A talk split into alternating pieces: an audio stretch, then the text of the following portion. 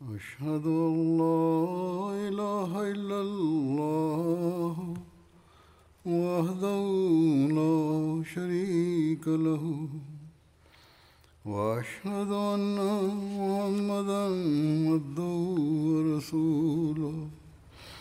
أما بعد فأعوذ بالله من الشيطان الرجيم. بسم الله الرحمن الرحيم. الحمد لله رب العالمين. الرحمن الرحيم. مالك يوم الدين. إياك نعبد وإياك نستعين.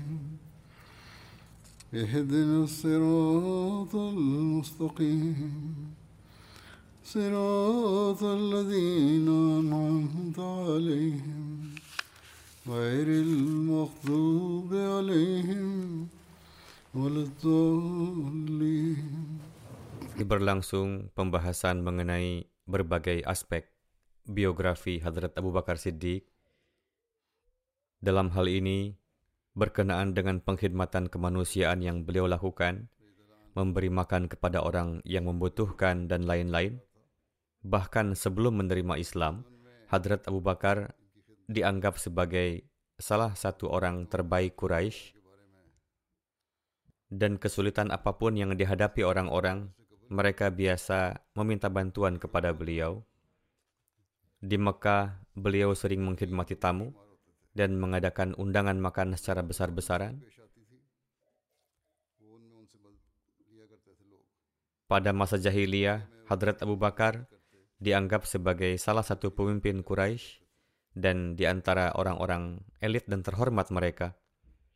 Di antara orang Quraisy, Hadrat Abu Bakar dianggap sebagai sosok yang dimuliakan beliau dianggap sebagai salah satu orang terbaiknya.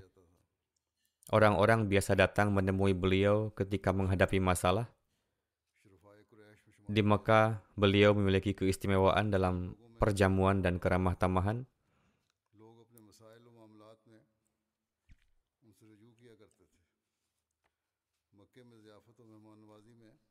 Kemudian tertulis bahwa Hadrat Abu Bakar sangat baik kepada orang miskin dan yang membutuhkan. Di musim dingin, beliau biasa membeli selimut dan membagikannya kepada yang membutuhkan. Dalam satu riwayat, selama satu tahun Hadrat Abu Bakar membeli spray wall hangat, yaitu selimut yang dari desa-desa, dan membagikannya kepada para janda Madinah selama musim dingin.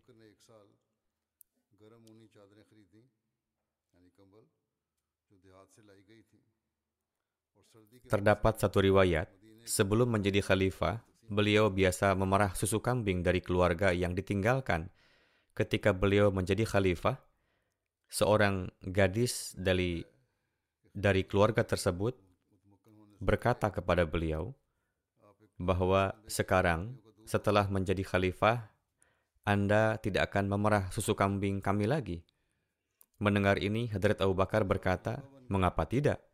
Demi jiwa saya, saya pasti akan memerahnya untukmu. Dan saya berharap apa yang telah saya pilih tidak akan menghentikan saya dari kebiasaan yang saya jalani. Jadi beliau tetap memerah susu kambing mereka seperti sebelumnya. Ketika gadis-gadis itu datang bersama kambing mereka dengan penuh kasih sayang, beliau bertanya kepada mereka, "Maukah saya buatkan busa susunya atau tidak?" Jika mereka meminta untuk membuat busanya, maka beliau akan memerah susu dan meletakkan wadah agak jauh sampai berbusa dengan baik. Namun jika mereka mengatakan untuk tidak membuat busa, maka beliau akan memerah dengan cara meletakkan bejana di dekat dada sapi agar tidak berbusa. Beliau terus melakukan pengabdian ini selama enam bulan terus-menerus, yaitu selama enam bulan setelah menjadi khalifah. Kemudian beliau menetap di Madinah, Awalnya beliau memiliki dua rumah. Satu rumah beliau berada agak jauh. Beliau dulu tinggal agak jauh pada masa Rasulullah SAW. Tetapi Rasulullah memberikan satu tempat di dekat rumah-rumah beliau. Lalu Abu Bakar membangunnya di sana, di dekat Masjid Nabawi. Selain itu, ada juga sebuah rumah di Madinah, ada dua buah rumah. Namun dahulu kala di masa Rasulullah, beliau biasa menempati rumah tersebut di pinggiran kota. Setelah menjadi khalifah, beliau pindah ke Madinah. Sebelum pindah ke Madinah, beliau terus memenuhi tanggung jawab untuk membantu para gadis tadi. Hadrat Umar biasa merawat seorang wanita tua dan buta yang tinggal di pinggiran Madinah. Beliau biasa mengambilkan air untuknya dan mengerjakan tugasnya.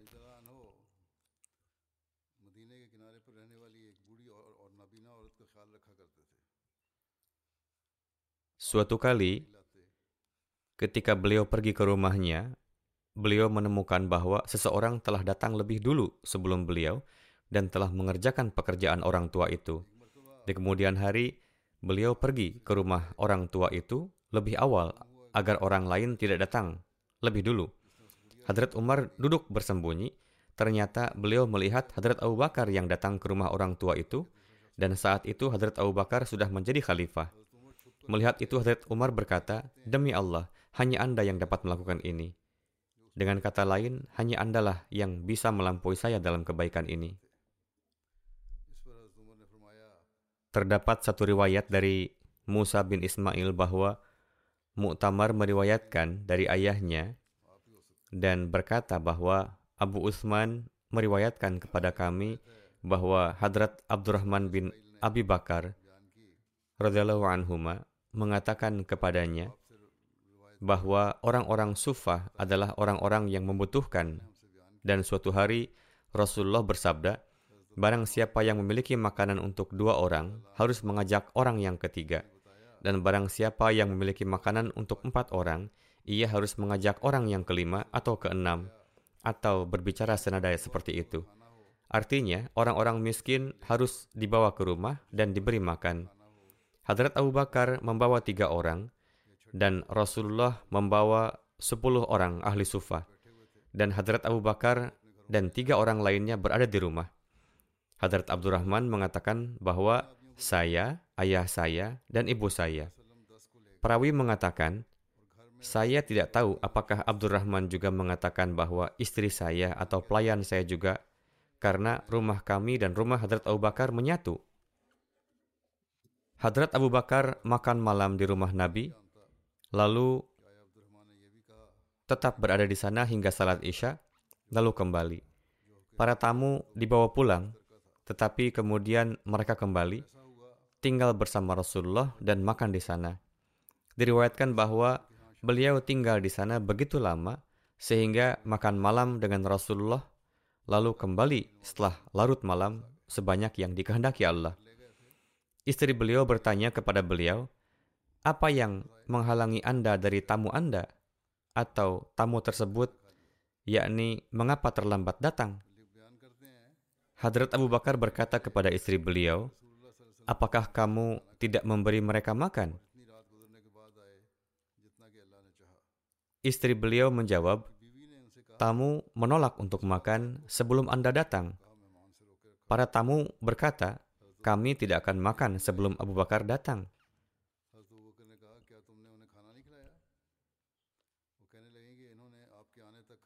Istri beliau berkata, saya telah menyajikan makanan, tetapi para tamu menolak untuk makan. Hadrat Abdurrahman mengatakan bahwa saya pergi dan bersembunyi agar tidak dimarahi oleh Hadrat Abu Bakar karena saya tidak memberi makan para tamu. Hadrat Abu Bakar berkata kepada putranya, Hai bodoh, kamu sangat lamban. Hadrat Abu Bakar menyuruh para tamu untuk makan dan Hadrat Abu Bakar sendiri bersumpah bahwa saya tidak akan makan. Hadrat Abdurrahman mengatakan, Demi Allah, apa pun suapan yang kami ambil, maka pada bagian bawahnya makanan akan bertambah banyak. Mereka makan sangat banyak hingga kenyang, dan makanan menjadi lebih banyak dari sebelumnya. Para tamu diberi makan. Para tamu terus makan, tetapi mereka mengatakan bahwa makanannya tetap sama dan bahkan semakin bertambah, dan semua orang makan sampai kenyang. Ketika Hadrat Abu Bakar melihat bahwa makanannya tetap sama, bahkan semakin bertambah banyak, lalu beliau berkata kepada istri, "Apa ini, wahai saudara perempuan Bani Firas?" Istrinya berkata, "Aku bersumpah demi sejuknya mataku, sekarang makanan tiga kali lebih banyak dari sebelumnya." Artinya, makanan telah bertambah begitu banyak. Hadrat Abu Bakar juga menyantapnya dan berkata bahwa itu hanyalah setan yakni atas godaannya saya telah bersumpah untuk tidak memakannya. Awalnya beliau bersumpah bahwa beliau tidak akan makan, namun ketika melihat bahwa makanan semakin bertambah jumlahnya, lalu beliau mengatakan, setanlah yang telah membuat saya bersumpah. Makanan ini berberkat, dan saya akan memakannya juga. Kemudian Hadrat Abu Bakar makan sesuap dari itu. Setelah itu beliau mengangkat makanan dan membawanya kepada Rasulullah dan beliau berada di rumah Rasulullah sampai pagi. Makanan tetap di sana sampai pagi. Dikatakan bahwa ada perjanjian antara kami dan suatu kaum, dan perjanjian itu telah berakhir batas waktunya. Kami mendudukan 12 orang secara terpisah, dan masing-masing dari mereka didampingi oleh beberapa orang. Dikatakan bahwa Allah lebih tahu berapa banyak orang yang menyertai. Tetapi yang pasti adalah Rasulullah mengirim orang-orang ini bersama beberapa orang lainnya yakni jumlahnya signifikan. Hadrat Abdurrahman mengatakan bahwa mereka semua makan dari makanan ini atau mengatakan sesuatu seperti itu. Alhasil, kali itu Allah Ta'ala telah memberikan keberkatan itu pada hidangan Hadrat Abu Bakar. Hadrat Abdurrahman bin Abi Bakar meriwayatkan bahwa Rasulullah bersabda, Apakah ada di antara kalian yang memberi makan orang miskin hari ini? Hadrat Abu Bakar berkata, saya memasuki masjid dan seorang pengemis meminta sesuatu. Saya melihat sepotong roti di tangan anak saya, Abdurrahman. Saya mengambilnya dan memberikannya kepada pengemis itu. Pengemis meminta sesuatu. Saat itu anak saya memiliki roti di tangannya. Lalu saya mengambilnya dan kemudian memberikannya kepada si pengemis. Hadrat Muslim Ma'ud anhu bersabda, putra Hadrat Abu Bakar, Abdurrahman juga layak menjadi khalifah dan orang-orang bahkan mengatakan bahwa sifatnya lebih lembut dari Hadrat Umar dan kualitasnya pun tidak kalah darinya. Beliau seharusnya menjadi khalifah setelah Abu Bakar, tetapi Hadrat Abu Bakar memilih Hadrat Umar sebagai khalifah meskipun terdapat perbedaan sifat antara Hadrat Abu Bakar dan Hadrat Umar. Jadi, Hadrat Abu Bakar tidak memperoleh keuntungan pribadi apa pun dari kekhalifahan, tetapi beliau menganggap pengkhidmatan kemanusiaan sebagai suatu kemuliaan. Terdapat riwayat dari Sufia. Hadrat Muslim Maud mengatakan, wallahu a'lam sejauh mana kebenarannya, bahwa pasca kewafatan Hadrat Abu Bakar, Hadrat Umar bertanya kepada pelayan Hadrat Abu Bakar, amalan baik apa yang biasa dilakukan oleh Hadrat Abu Bakar, supaya saya dapat menirunya juga. Di antara sekian amalan baik, sang pelayan menyebutkan satu amalan baik. Ia menceritakan bahwa setiap hari Hadrat Abu Bakar biasa pergi ke suatu tempat dengan membawa roti dan makanan. Sesampainya di tempat itu, beliau memerintahkan saya untuk menunggu di luar, sedangkan beliau masuk. Entahlah untuk tujuan apa beliau masuk. Lalu Hadrat Umar pergi dengan pelayan tersebut ke tempat yang disebutkan. Setelah saya masuk, apa yang saya lihat Ternyata kami melihat seorang pria buta lumpuh yang tidak memiliki tangan dan kaki sedang duduk di sebuah gua. Hadrat Umar menaruh sepotong makanan di mulut orang lumpuh tersebut. Lalu orang tua itu menangis dan berkata, Semoga Allah merahmati Abu Bakar. Betapa baiknya dia. Hadrat Umar berkata, Kakek, bagaimana Anda bisa tahu bahwa Abu Bakar telah meninggal? Sang kakek mengatakan bahwa saya tidak memiliki gigi. Itu sebabnya sebelum memasukkannya ke mulut saya, beliau biasa mengunyahnya terlebih dahulu. Hari ini, ketika saya merasakan makanan keras di mulut saya, saya mengira bukan Abu Bakar yang memberikan makanan ini, tetapi orang lain. Dan setelah mengetahui adanya kekosongan, saya meyakini bahwa Abu Bakar telah tiada. Hadrat Muslim Ma'ud bersabda, benda apa yang diperoleh Hadrat Abu Bakar dari kekuasaan? Beliau tidak mendapatkan apa-apa dari kekhalifahan atau kerajaan yang beliau dapatkan. Apakah beliau menganggap harta kekayaan pemerintah sebagai aset pribadinya? Tidak mungkin. barang-barang yang diperoleh oleh kerabat beliau itu semua merupakan pemberian dari harta pribadi beliau sendiri. Satu-satunya perbedaan yang beliau miliki adalah pengkhidmatan yang beliau lakukan. Hadrat Masih Maud salam bersabda, ini adalah dua bagian syariat, yakni hak Allah dan hak hamba. Terdapat dua hal, yakni hak Allah dan hak para hamba. Beliau alaihissalam bersabda, Lihatlah Nabi Shallallahu Alaihi Wasallam betapa beliau melewati seluruh usianya untuk mengkhidmati kemanusiaan. Lihatlah kondisi Hadrat Ali yang begitu banyaknya tambalan pada baju beliau sehingga tidak ada ruang tersisa. Hadrat Abu Bakar telah memikul tanggung jawab untuk selalu memberi manisan kepada seorang tua. Renungkanlah betapa berat komitmen tersebut. Ketika Hadrat Abu Bakar meninggal, orang tua itu berkata, hari ini Abu Bakar telah meninggal. Tetangganya berkata, apakah Anda menerima ilham atau wahyu? Dia mengatakan, tidak. Sebabnya Abu Bakar tidak membawa manisan hari ini. Dari itu diketahui bahwa ia telah meninggal. Artinya seumur hidup beliau tidak mungkin tidak mengirimkan manisan dalam keadaan bagaimanapun. Lihatlah berapa banyak pengkhidmatan yang dilakukan. Setiap orang seyoginya melakukan pengkhidmatan seperti itu. Bagaimana standar beliau dalam menutupi kelemahan orang lain berkenaan dengan itu terdapat riwayat.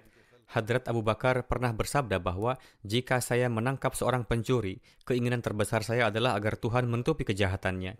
Tentang keberanian dan jiwa patriot beliau tertulis bahwa Hadrat Abu Bakar merupakan perwujudan dari sifat pemberani. Beliau rela mengambil resiko besar demi Islam atau karena kecintaan beliau terhadap wujud Nabi Shallallahu Alaihi Wasallam.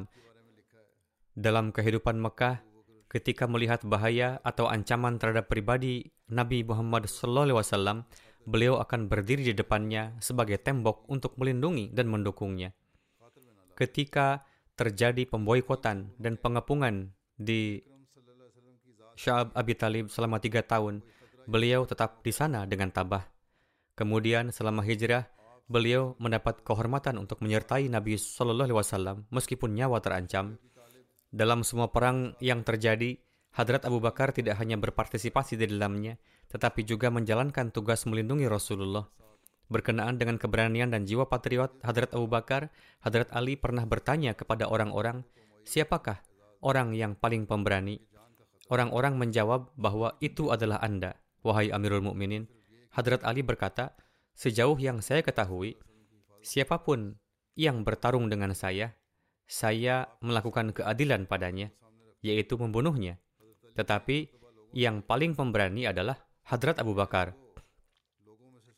Kami mendirikan tenda untuk Rasulullah pada hari Badar, lalu kami berkata, siapa yang akan tinggal bersama Rasulullah supaya tidak ada orang musyrik yang dapat menjangkau beliau.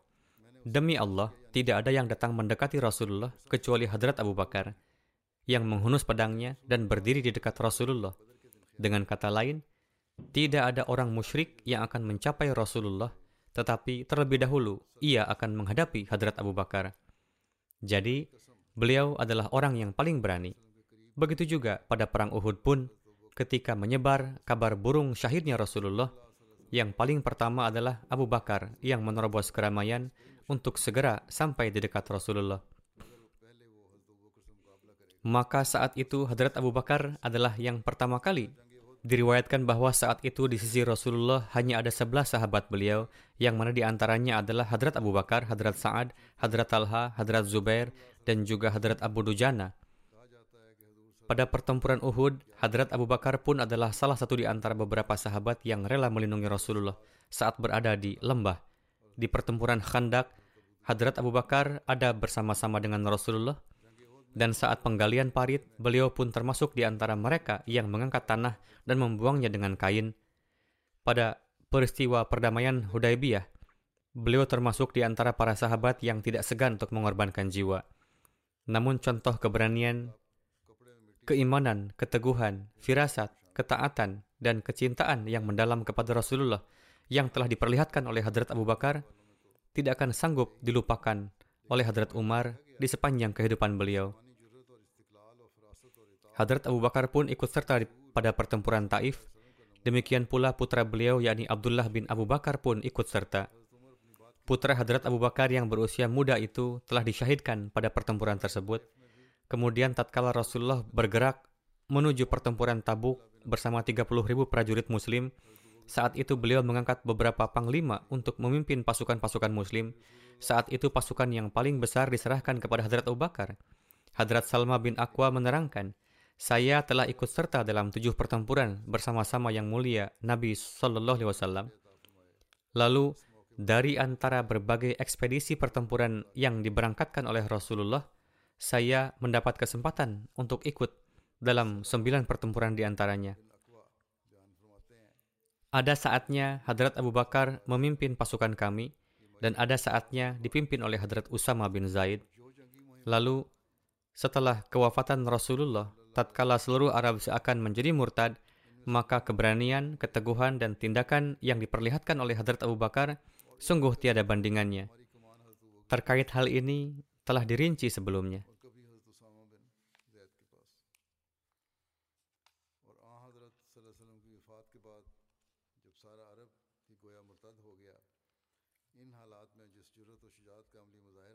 Hadrat Muslim Maud menerangkan, suatu saat orang-orang kafir mengalungkan tali ke leher Rasulullah Sallallahu Alaihi Wasallam, lalu mereka menariknya dengan keras. Tatkala Hadrat Abu Bakar mengetahuinya, beliau segera berlari dan menyingkirkan orang-orang kafir itu dan bersabda, Wahai manusia, kalian tidak takut kepada Tuhan, dan kalian memukul serta menganiaya wujud ini hanya karena ia menyatakan bahwa Allah adalah Tuhanku. Beliau tidaklah meminta harta benda dari kalian, maka dari itu mengapa kalian memaksanya? Kemudian beberapa sahabat menuturkan, di masa kami, sosok yang dianggap paling pemberani adalah Hadrat Abu Bakar, karena musuh pun mengakui, jika kami membunuh Muhammad Rasulullah SAW, maka Islam pasti akan menjadi musnah. Namun kami melihat bahwa Abu Bakar senantiasa ada berdiri di dekat Rasulullah. Supaya siapa saja yang hendak menyerang beliau, ia akan segera bergerak melindungi beliau. Demikianlah tatkala terjadi pertempuran yang sengit di antara kaum muslim melawan kaum kafir, saat itu para sahabat paling saling berunding di antara mereka dan bersepakat untuk menyiapkan satu kemah untuk Rasulullah SAW. Lalu mereka menyampaikan kepada Rasulullah, Wahai Rasulullah, mohon huzur tinggal di kemah ini dan berdoalah untuk kemenangan kami, sementara kami yang akan melawan para musuh. Mereka berkata, Wahai Rasulullah, kami meyakinkan Anda bahwa di dalam diri kami terdapat keikhlasan. Namun mereka yang duduk di Madinah, mereka pun ada yang memiliki keikhlasan dan kesetiaan lebih dari kami. Mereka tidak tahu bahwa kita akan bertempur dengan kaum kafir. Jika tahu, mereka pun pasti ikut serta dalam pertempuran ini, yaitu mereka memang tidak tahu akan adanya perang Badar. Jika tahu, mereka pun akan ikut. Wahai Rasulullah, jika di perang ini na'udzubillah kami akan mengalami kekalahan, maka ketahuilah bahwa kami telah mengikat seekor unta cepat di dekat Anda, dan kami telah meminta Abu Bakar untuk siaga di dekat Anda. Kami tidak dapat menemukan lagi siapa yang lebih pemberani darinya di antara kami. Wahai Rasulullah, saat itu segeralah menunggangi unta itu bersama Abu Bakar dan bergerak menuju Madinah. Lalu berangkatlah satu pasukan baru dari Madinah, yang mana mereka adalah lebih mukhlis dan setia dari kami untuk menghadapi kaum kafir. Hadrat Muslim Ma'ud bersabda, renungkanlah peristiwa ini, bahwa betapa Hadrat Abu Bakar merupakan insan yang sangat tinggi dalam pengorbanan. Kemudian dalam satu kesempatan Hadrat Muslim Ma'ud bersabda, di satu peristiwa ada beberapa orang yang bertanya kepada para sahabat, di zaman Rasulullah, siapakah sosok yang paling pemberani di antara para sahabat? Seperti halnya di masa kini, banyak pertanyaan terkait Syiah dan Sunni. Demikian pula di masa itu pun, bagi siapa saja yang memiliki suatu perhubungan, maka orang-orang akan sering memujinya. Tatkala pertanyaan ini ditujukan ke golongan sahabat, mereka lalu menjawab bahwa sosok yang paling pemberani di antara kami adalah sosok yang senantiasa berdiri di dekat Rasulullah SAW. Ungkapan ini hanya akan dapat difahami oleh mereka yang faham akan perang, sementara orang lain tidak akan dapat memahaminya, yakni siapa saja yang benar-benar faham akan peperangan dan dapat menggambarkan bahaya-bahaya yang ada di dalamnya, mereka itulah yang tahu akan keberanian, yakni berdiri di tempat yang paling berbahaya. Hadrat Muslim Maud bersabda, intinya adalah musuh senantiasa menghendaki untuk membunuh pimpinan tertinggi dari suatu kaum atau negeri, supaya dengan terbunuhnya sosok itu, maka segenap perselisihan akan lenyap. Maka dari itu, di mana saja sosok itu berada di suatu pertempuran, musuh pasti akan menyerangnya dengan penuh kekuatan. Apa pun yang menjadi pusat sesuatu, maka itulah yang akan menjadi sasaran utama dari musuhnya. Dan di tempat seperti ini, yang ditugaskan di sana, yakni ya, untuk melindunginya, untuk melindungi pusat dari segalanya itu, hanya orang yang paling pemberanilah yang akan ditugaskan di sana.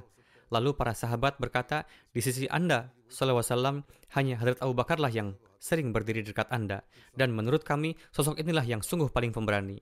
Kemudian Hadrat Muslim Ma'ud di satu tempat dalam menjelaskan tafsir dari ayat kedua surah Bani Israel, beliau bersabda, Hal ini pun patut direnungkan bahwa dari lafaz asra bi'abdihi zahir bahwa yang menjalankan adalah wujud yang berbeda dan ia berjalan tidak atas kehendaknya sendiri. Demikian juga peristiwa hijrah. Rasulullah keluar di waktu malam dan beliau keluar bukanlah atas kehendak sendiri, tetapi beliau keluar dalam keadaan terpaksa, yaitu tatkala kaum kafir telah mengepung kediaman beliau untuk tujuan membunuh beliau. Alhasil, tidaklah ada kehendak beliau Shallallahu Alaihi Wasallam di dalam perjalanan ini, tetapi bahkan kehendak Allah Taala lah yang telah menjadikan beliau melaksanakannya, yakni wujud yang menggerakkan beliau, yang membuat beliau keluar rumah, dan wujud yang memerintahkan beliau pergi untuk berhijrah adalah Allah Taala. Dan karena kehendak darinya itu, beliau lalu terpaksa meninggalkan Mekah Kemudian Hadrat Muslim Maud bersabda, sebagaimana dalam ru'ya, Jibril ada menemani beliau dalam perjalanan menuju Baitul Maqdis, maka demikian pula Abu Bakar pun ada bersama beliau. Dengan demikian, beliau adalah yang mengikuti Rasulullah, sementara Jibril adalah wujud yang bekerja dengan mengikuti perintah Allah Ta'ala. Dan Jibril adalah bermakna pahlawan Allah Ta'ala. Hadrat Abu Bakar pun adalah hamba Allah Ta'ala yang istimewa, dan beliau merupakan sosok pahlawan yang tanpa gentar demi agama. Kemudian Hadrat Muslim Maud di satu tempat bersabda, jadi hakikatnya adalah dengan beriman kepada kalam Allah Ta'ala, maka hendaknya tidak ada tidak akan dapat muncul keputusasaan dalam kalbu manusia. Jika ada suatu keimanan yang sempurna kepada Allah Ta'ala, maka tidak mungkin akan datang keputusasaan di dalam kalbu. Keadaan yang menimpa Rasulullah, contohnya di Gua Sur, dalam saat seperti itu, apakah tersisa suatu harapan? Rasulullah di kegelapan malam meninggalkan kediaman beliau dan tiba di Gua Sur ini adalah gua yang memiliki mulut gua yang lebar dan setiap orang dapat dengan mudah menengadahkan wajahnya untuk melihat isinya dan untuk masuk ke dalamnya. Hanya satu sahabat yang menemani beliau dan keduanya adalah tanpa senjata dan kekuatan untuk melawan. Orang-orang Mekah bersenjata mengejar beliau dan mereka tiba di Gua Sur. Di antara mereka ada yang bersikeras untuk satu kali saja lebih melihat ke dalam supaya jika beliau ada maka mereka akan dapat menangkapnya. Musuh telah melihat dengan sedemikian rupa dekat hingga Hadrat Abu Bakar menangis dan ia berkata, Wahai Rasulullah, musuh telah tiba di kepala kita. Beliau saat itu bersabda dengan sangat teguh, La tahzan, innallaha ma'ana. Abu Bakar, mengapa anda takut? Tuhan ada bersama kita. Lihatlah, betapa sangat gentingnya keadaan yang beliau hadapi pada saat itu, di mana setelah peristiwa itu, tidak ada lagi upaya pembunuhan atau penangkapan kepada Rasulullah yang dapat menyamai ini. Meski dalam keadaan demikian, yakni musuh yang sangat kuat, mereka bersama dengan tentara, mereka pun menyandang senjata, sementara Rasulullah sama sekali tidak bersenjata. Beliau hanya duduk di gua itu bersama seorang sahabat beliau. Beliau saat itu tidak memiliki senjata, tidak memiliki pemerintahan, dan tidak memiliki masa yang banyak. Beliau meskipun melihat musuh yang berjumlah banyak di dekat beliau, beliau tetap bersabda, La tahzan, innallaha ma'ana. Yakni, mengapa Anda berkata bahwa musuh kita adalah kuat? Apakah mereka lebih kuat dari Tuhan? Tatkala Tuhan ada bersama kita, maka apalagi alasan kita untuk menjadi gelisah? Sesungguhnya, kegelisahan Hadrat Abu Bakar pun bukan untuk diri beliau sendiri, tetapi untuk diri Rasulullah SAW. Hadrat Muslim Ma'ud bersabda, ada sebagian orang Syiah yang mengangkat peristiwa ini dan mereka berkata bahwa Abu Bakar na'udzubillah tidak beriman dan ia takut untuk menyerahkan jiwanya. Sesungguhnya dalam rujukan sejarah pun dengan jelas tertera bahwa ketika Rasulullah bersabda la tahzan innallaha ma'ana maka saat itu Hadrat Abu Bakar berkata, "Wahai Rasulullah, saya tidak mengkhawatirkan jiwa saya sendiri karena jika saya terbunuh, maka yang mati hanyalah satu orang. Saya hanya takut akan keadaan huzur. Karena jika Anda yang mengalami malapetaka, maka kebenaran akan sirna dari dunia. Lalu di satu tempat Hadrat Muslim Ma'ud anhu bersabda, hal ini tidaklah dikhususkan bagi para nabi. Di setiap zaman bahkan terdapat juga orang-orang di mana ia melakukan sesuatu yang mana orang lain tidak sanggup melakukannya. Contohnya adalah Hadrat Abu Bakar. Di masa itu, mengenai Hadrat Abu Bakar, tidak ada seorang pun yang dapat mengatakan bahwa suatu saat nanti beliau akan memimpin kaum beliau. Mereka saat itu umumnya beranggapan bahwa beliau memiliki tabiat yang lemah dan hati yang lunak. Lihatlah berbagai pertempuran di masa Rasulullah. Rasulullah tidak pernah menjadikan Hadrat Abu Bakar sebagai panglima dalam perang besar mana pun. Memang, ada beberapa pertempuran skala kecil di mana beliau diangkat sebagai pemimpinnya. Tetapi, dalam perang-perang yang besar, Rasulullah senantiasa mengangkat orang-orang yang lain sebagai panglima. Demikian pula di dalam pekerjaan-pekerjaan yang lain pun, beliau tidak diangkat sebagai pemimpinnya. Kemudian, dalam hal pengajaran Al-Quran Karim ataupun tugas Dewan Kodo, Rasulullah tidak membebankannya kepada Hadrat Abu Bakar. Meski demikian, Rasulullah mengetahui bahwa tatkala tiba waktu untuk Abu Bakar, maka pekerjaan yang akan dilaksanakan Abu Bakar tidak akan dapat dilakukan oleh yang lainnya. Maka dari itu, tatkala Rasulullah SAW wafat, Lalu muncul perselisihan di dalam umat muslim bahwa siapakah yang akan menjadi khalifah. Saat itu tidaklah terfikir dalam benak Hadrat Abu Bakar bahwa beliau akan menjadi khalifah. Beliau memahami bahwa Hadrat Umar dan yang lainnya lah yang ahli dalam hal ini. Tatkala golongan Ansar bersemangat dan mereka menghendaki agar khilafat berasal dari mereka, karena mereka berpikir, kamilah yang telah melakukan pengorbanan demi Islam, sehingga kini golongan Ansar yang yakni kamilah yang berhak menjadi khalifah. Sementara itu, kaum muhajir berkata, khalifah adalah dari kami. Alhasil, setelah kewafatan Rasulullah, terjadi suatu perselisihan yang besar. Pada akhirnya, perselisihan ini berakhir pada pernyataan golongan Ansar bahwa akan ada satu khalifah dari golongan muhajirin dan ada satu khalifah dari Ansar. Untuk menjauhkan pertikaian ini, diadakanlah satu pertemuan. Hadrat Umar bersabda, saat itu saya berpikir bahwa Hadrat Abu Bakar sungguh sosok yang sangat baik dan suci. Tetapi, memahami beban ini bukanlah pekerjaannya. Ini adalah tugas yang sangat sulit bagi beliau. Hadrat Umar bersabda, jika ada orang yang dapat mengemban beban ini, maka orang itu adalah saya. Ini adalah pekerjaan yang butuh kekuatan, bukan kelembutan dan kasih sayang. Hadrat Abu Bakar adalah sosok yang menampakkan kelembutan dan cinta kasih. Alhasil, beliau bersabda, saya merenung hingga akhirnya sampai pada menampakkan dalil-dalil yang membuktikan bahwa khalifah hendaknya berasal dari Quraisy dan anggapan bahwa satu khalifah berasal dari Ansar dan satu lagi berasal dari Muhajirin, pemikiran ini sama sekali keliru. Hadrat Umar bersabda, saya telah banyak merenungkan dalil-dalil dan pergi ke majelis yang diadakan untuk mengakhiri perselisihan-perselisihan tersebut. Hadrat Abu Bakar pun saat itu ada bersama saya. Saya berkeinginan untuk berpidato dan meyakinkan segenap orang dengan berbagai dalil yang telah saya pikirkan sebelumnya. Saya memahami bahwa Hadrat Abu Bakar bukanlah sosok yang memiliki kewibawaan dan kebesaran sehingga beliau dapat berbicara di majelis ini. Hadrat Umar bersabda, namun saat itu saya baru saja hendak berdiri, sementara Hadrat Abu Bakar dengan marah mengangkat tangan beliau dan berkata kepada saya, duduklah.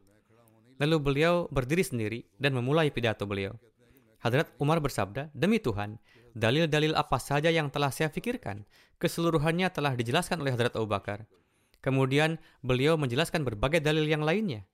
Beliau terus menjelaskannya hingga segenap kalbu golongan Ansar pun menjadi tenang dan mereka pun menerima pendapat kaum muhajirin tentang khilafat.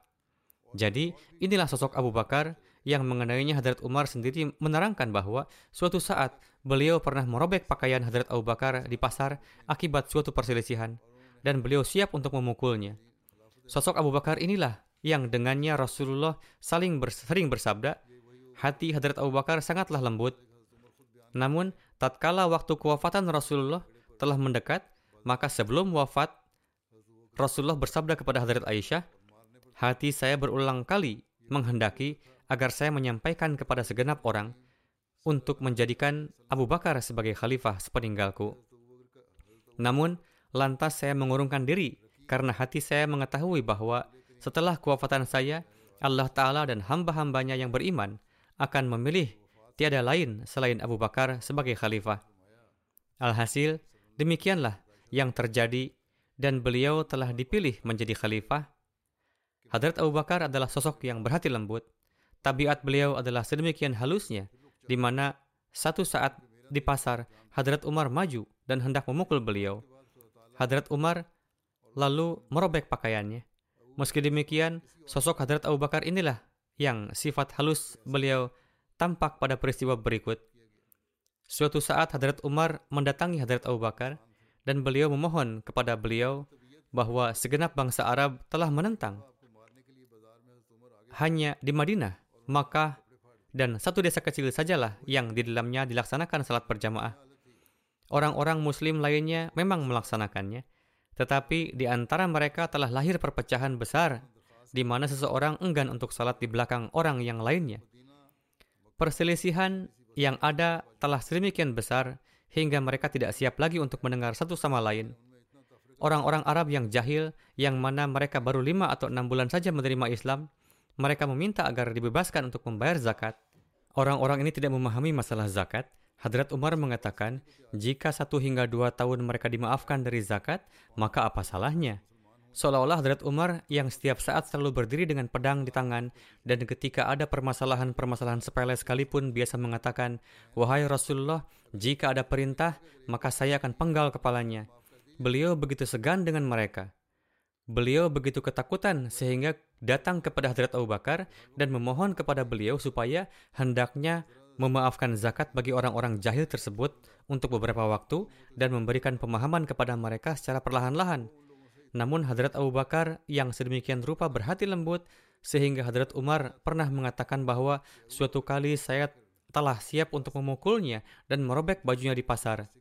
Beliau pada saat itu menatap Hadrat Umar dengan sangat marah, yakni ketika Hadrat Umar mengatakan bahwa janganlah mengatakan apa pun kepada mereka, janganlah memungkut zakat dari orang-orang yang memberontak itu selama dua tahun, kita akan pergi untuk memberikan pemahaman kepada mereka, Ketika Hadrat Umar mengatakan hal tersebut, maka Hadrat Abu Bakar menatap Hadrat Umar dengan sangat marah dan mengatakan, Umar, engkau menuntut sesuatu hal yang tidak dilakukan oleh Allah dan Rasulnya. Hadrat Umar berkata, memang hal ini benar, tetapi mereka adalah orang-orang yang belum dewasa dalam pemikiran. Laskar musuh telah sampai di dinding Madinah. Apakah hal ini akan baik bahwa mereka terus melangkah maju lalu menimbulkan anarkisme? atau akan lebih baik jika selama satu hingga dua tahun mereka dimaafkan dari zakat? Pilihannya adalah antara terjadi anarkisme atau dilakukan rekonsiliasi dengan satu dan lain cara. Hadrat Abu Bakar bersabda, Demi Allah, jika musuh menyusup ke Madinah dan memanggal orang-orang Islam di lorong-lorong, dan anjing-anjing menyeret mayat-mayat para wanita, aku tetap tidak akan membebaskan mereka dari zakat. Demi Allah, jika di zaman Rasulullah mereka memberikan sepotong tali sebagai zakat, maka pasti aku akan memungut itu dari mereka. Kemudian beliau bersabda, Wahai Umar, jika kalian semua takut, maka pergilah. Aku akan berperang dengan mereka sendirian, dan aku tidak akan berhenti hingga mereka jerak dari kejahatan mereka. Lalu, lalu terjadilah peperangan, dan beliau meraih kemenangan yakni Hadrat Abu Bakar meraih kemenangan dan menaklukkan kembali seluruh Arab sebelum kewafatannya. Apa yang Hadrat Abu Bakar lakukan dalam hidupnya, bagian tersebut tidak ada orang lain yang dapat melakukannya. Hadrat Muslim Ma'ud bersabda, para pemimpin Mekah mendapatkan hormat dan takzim yang sedemikian rupa di antara orang-orang, sehingga orang-orang merasa takut berbicara di hadapan mereka. Dan ihsan-ihsan mereka begitu banyak kepada orang-orang, sehingga seseorang bahkan tidak mampu untuk mengangkat pandangan di hadapan mereka. Kehormatan mereka ini nampak pada kesempatan perjanjian Hudaybiyah. Seorang pemimpin yang diutus oleh orang-orang Mekah untuk berbincang dengan Rasulullah, berbicara sambil memegang janggut beberkat Rasulullah. Melihat hal ini, seorang sahabat memukulkan gagang pedangnya dengan keras ke tangan orang tersebut dan mengatakan, jangan sentuhkan tangan kotormu pada janggut beberkat Rasulullah. Dia mengangkat pandangannya untuk melihat siapa yang telah memukul tangannya dengan gagang pedang. Karena sahabat itu memakai topi baja, maka hanya mata dan lehernya saja yang terlihat. Setelah beberapa saat dia memandang dengan seksama, kemudian dia mengatakan, "Apakah kamu si fulan?" Sahabat tersebut menjawab, "Ya." Ia mengatakan, "Apakah kamu tidak tahu? Aku telah menyelamatkan keluargamu dari musibah tertentu pada kesempatan tertentu, dan pada kesempatan tertentu aku melakukan kebaikan tertentu kepadamu. Apakah kamu berani berbicara di hadapanku?" Seraya mengisahkan peristiwa ini, Hadrat Muslim Maud anhu bersabda, "Jika kita melihat di masa sekarang ini, sikap melupakan kebaikan telah begitu umum di dalam diri orang-orang. Jika melakukan kebaikan,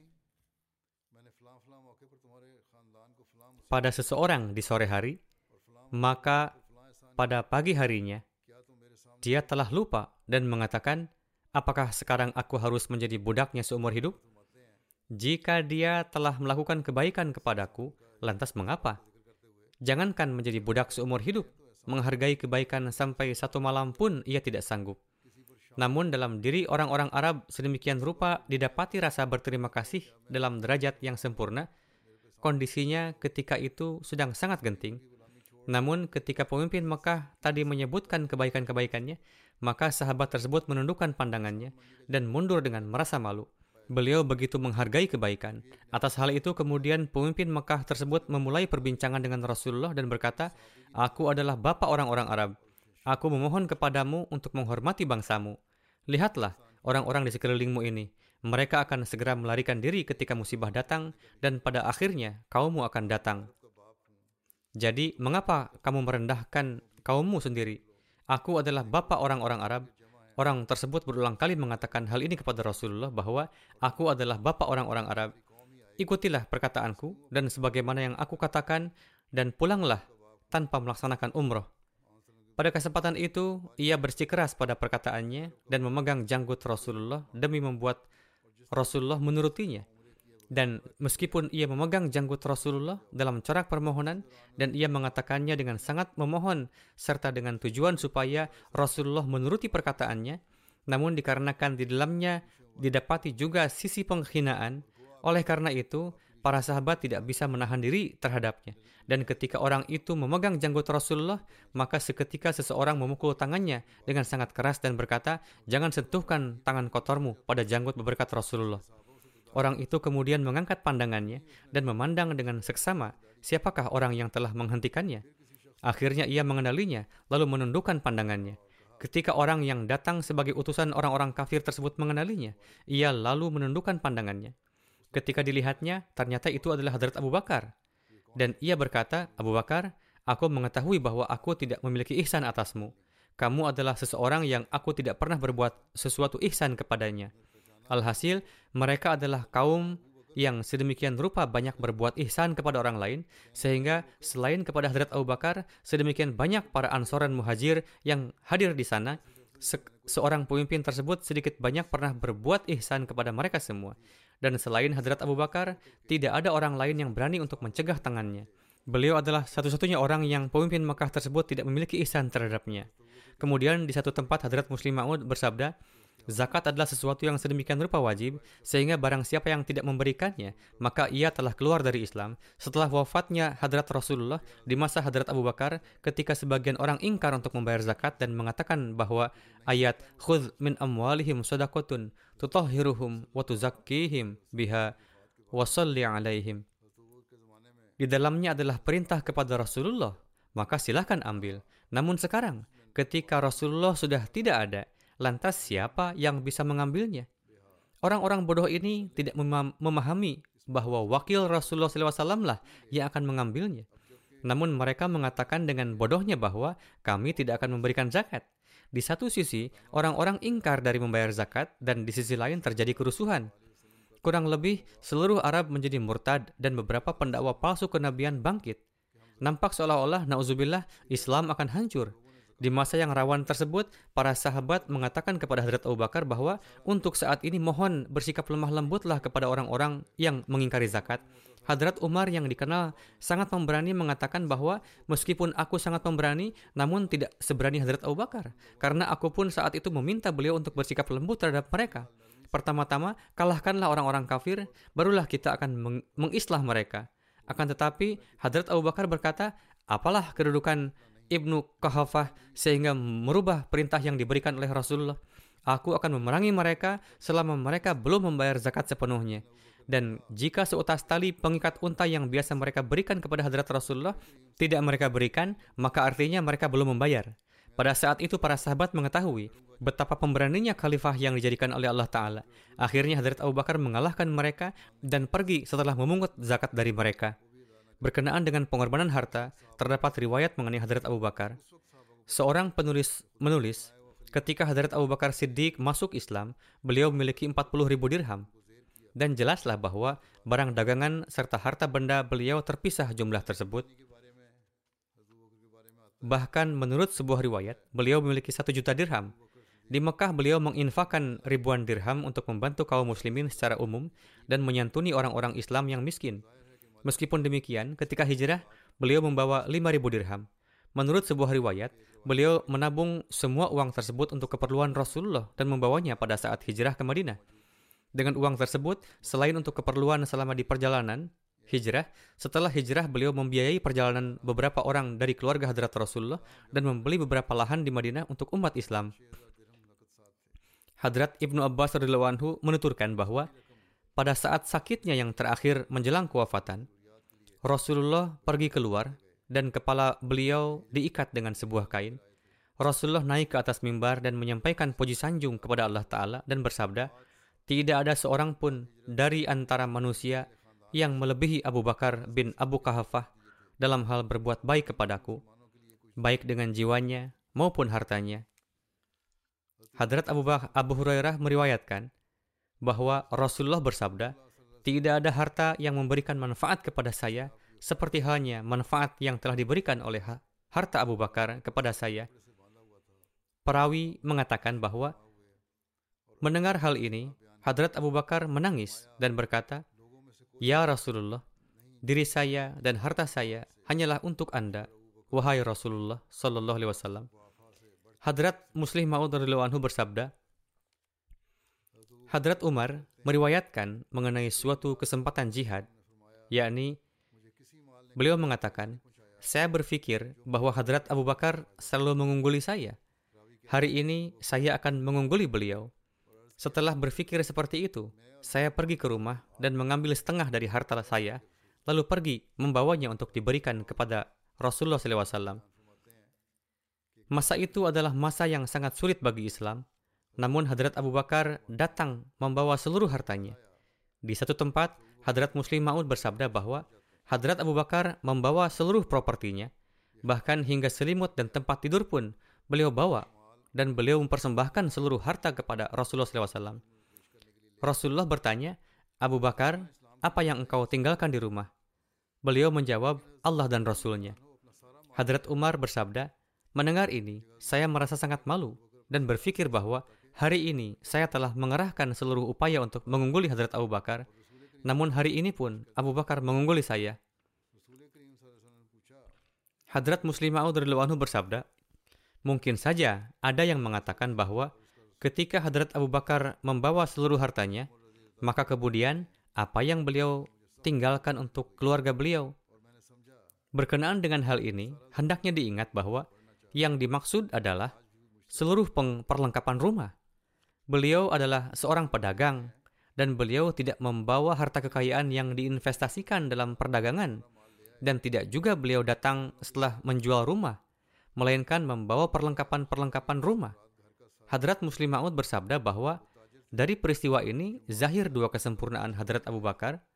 Yang pertama adalah beliau yang paling terdepan dalam pengorbanan dan yang kedua adalah meskipun beliau membawa seluruh hartanya, beliau tetap menjadi yang pertama sampai dan mereka yang memberikan sedikit tengah menimbang-nimbang berapa yang akan disisakan di rumah dan berapa yang akan dibawa.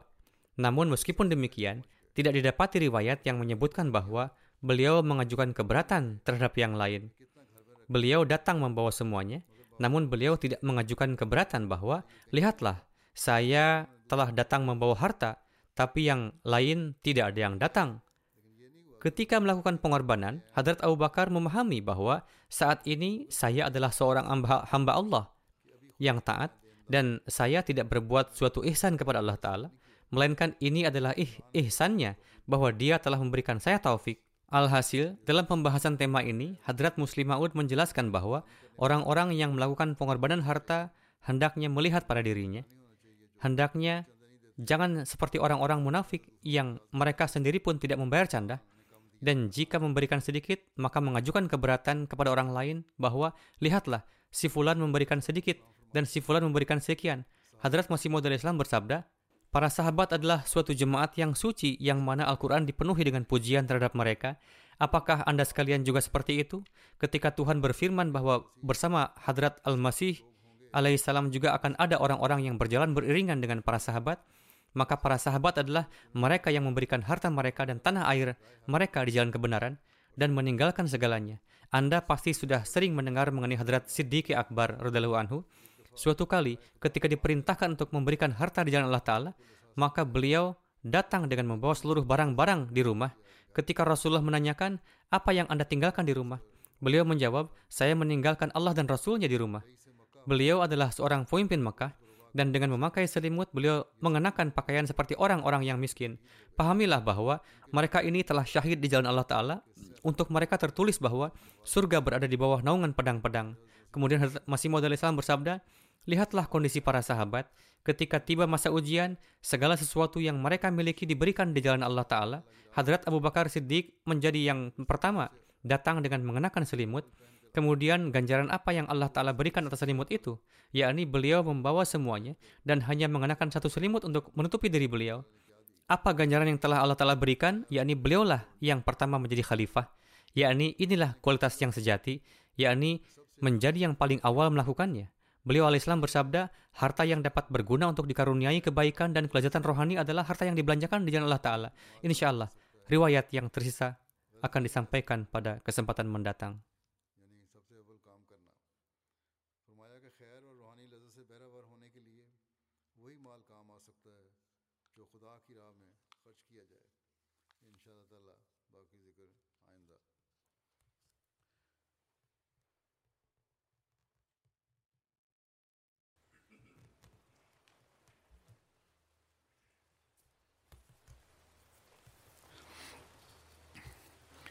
الحمد لله الحمد لله نحمده ونستعينه ونستغفره ونؤمن به ونتوكل عليه ونعوذ بالله من شرور أنفسنا ومن سيئات أعمالنا. من يهده الله فلا مضل له ومن يضلل فلا هادي له. ونشهد أن لا إله إلا الله. ونشهد أن محمدا عبده ورسوله. عباد الله رحمكم الله. إن الله يأمر بالعدل والإحسان. وإيتاء ذي القربى وينهى عن الفحشاء والمنكر والبغي يعظكم لعلكم تذكرون.